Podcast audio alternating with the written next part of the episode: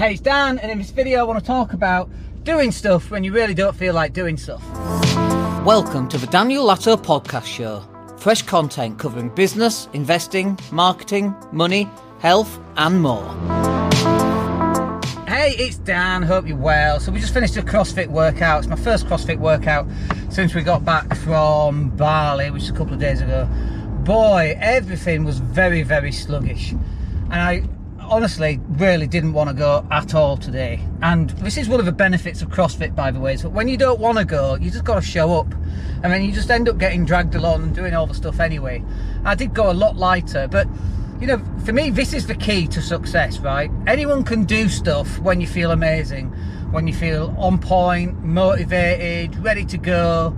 The hardest bit is actually doing stuff when you really don't want to do stuff, right?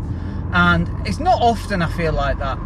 But I kind of recognise that these are the things that prevent a lot of people getting where they want in life because they're too tired, it's too hard, it's too difficult, they've already, you know, done a workout yesterday or five times this week or whatever that is, or they've been on a flight for 24 hours or travelled for 24 hours like I did.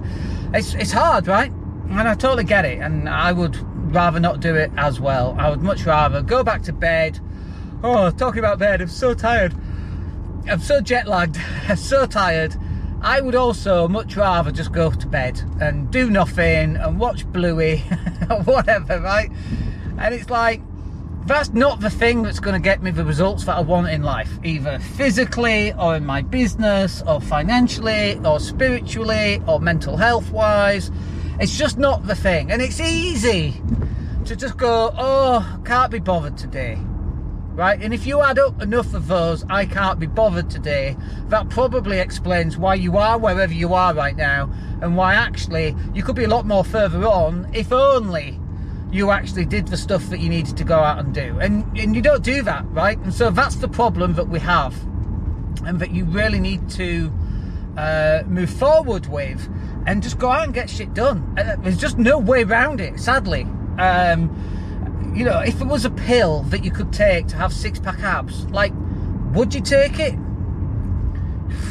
That's a tough one, isn't it? Because the benefits of six pack abs aren't the six pack abs.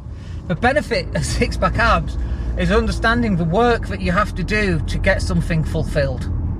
Big difference between that. And it feels like it's a very subtle difference, but it's not. It's actually quite a big difference that if you don't put in place properly, you're going to struggle with. And so you're going to have to start doing this stuff uh, for yourself. You just have to have to do it. Anyway, we're just pulling back at home. I'm just driving slowly because uh, I don't want to run these people over. Anyway, look, I hope that's useful and we'll catch up with you on the next video. Have a good day. Take care.